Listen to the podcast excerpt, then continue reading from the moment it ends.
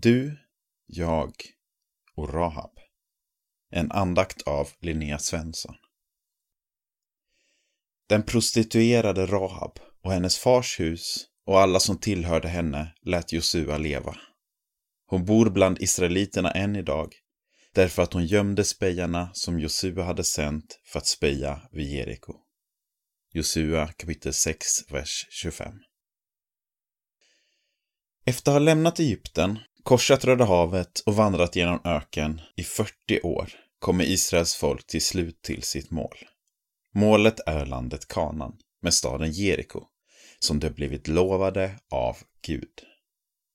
På ett minst sagt speciellt sätt lyckas de besegra folket i Jeriko och inta staden. Berättelsen är ett tydligt exempel på hur Gud hjälper sitt folk. Tidigt i berättelsen uppstår det dock problem. Två israeliska män har tagit sig in i Jeriko för att speja. Men kungen i Jeriko får reda på det. Han sänder ut folk för att hämta spejarna. Men en kvinna från Jeriko hjälper dem. Kvinnan heter Rahab. Med risk för sitt eget liv gömmer Rahab de två männen i sitt hus.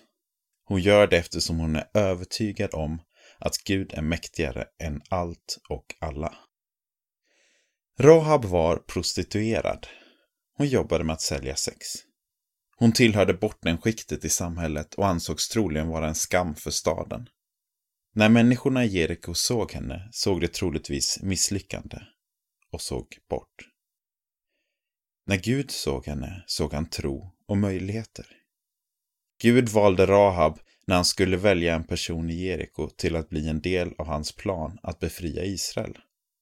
Efter det fick Rahab bo i Israel.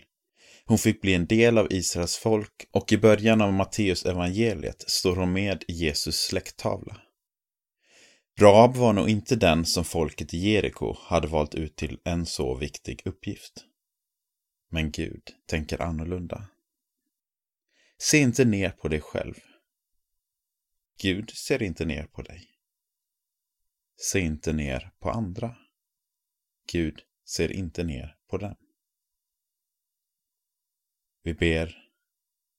Gud, tack för att du ser hela mig. Tack för att du älskar mig trots att jag ibland misslyckas. Hjälp mig att se på mig själv och andra med dina ögon.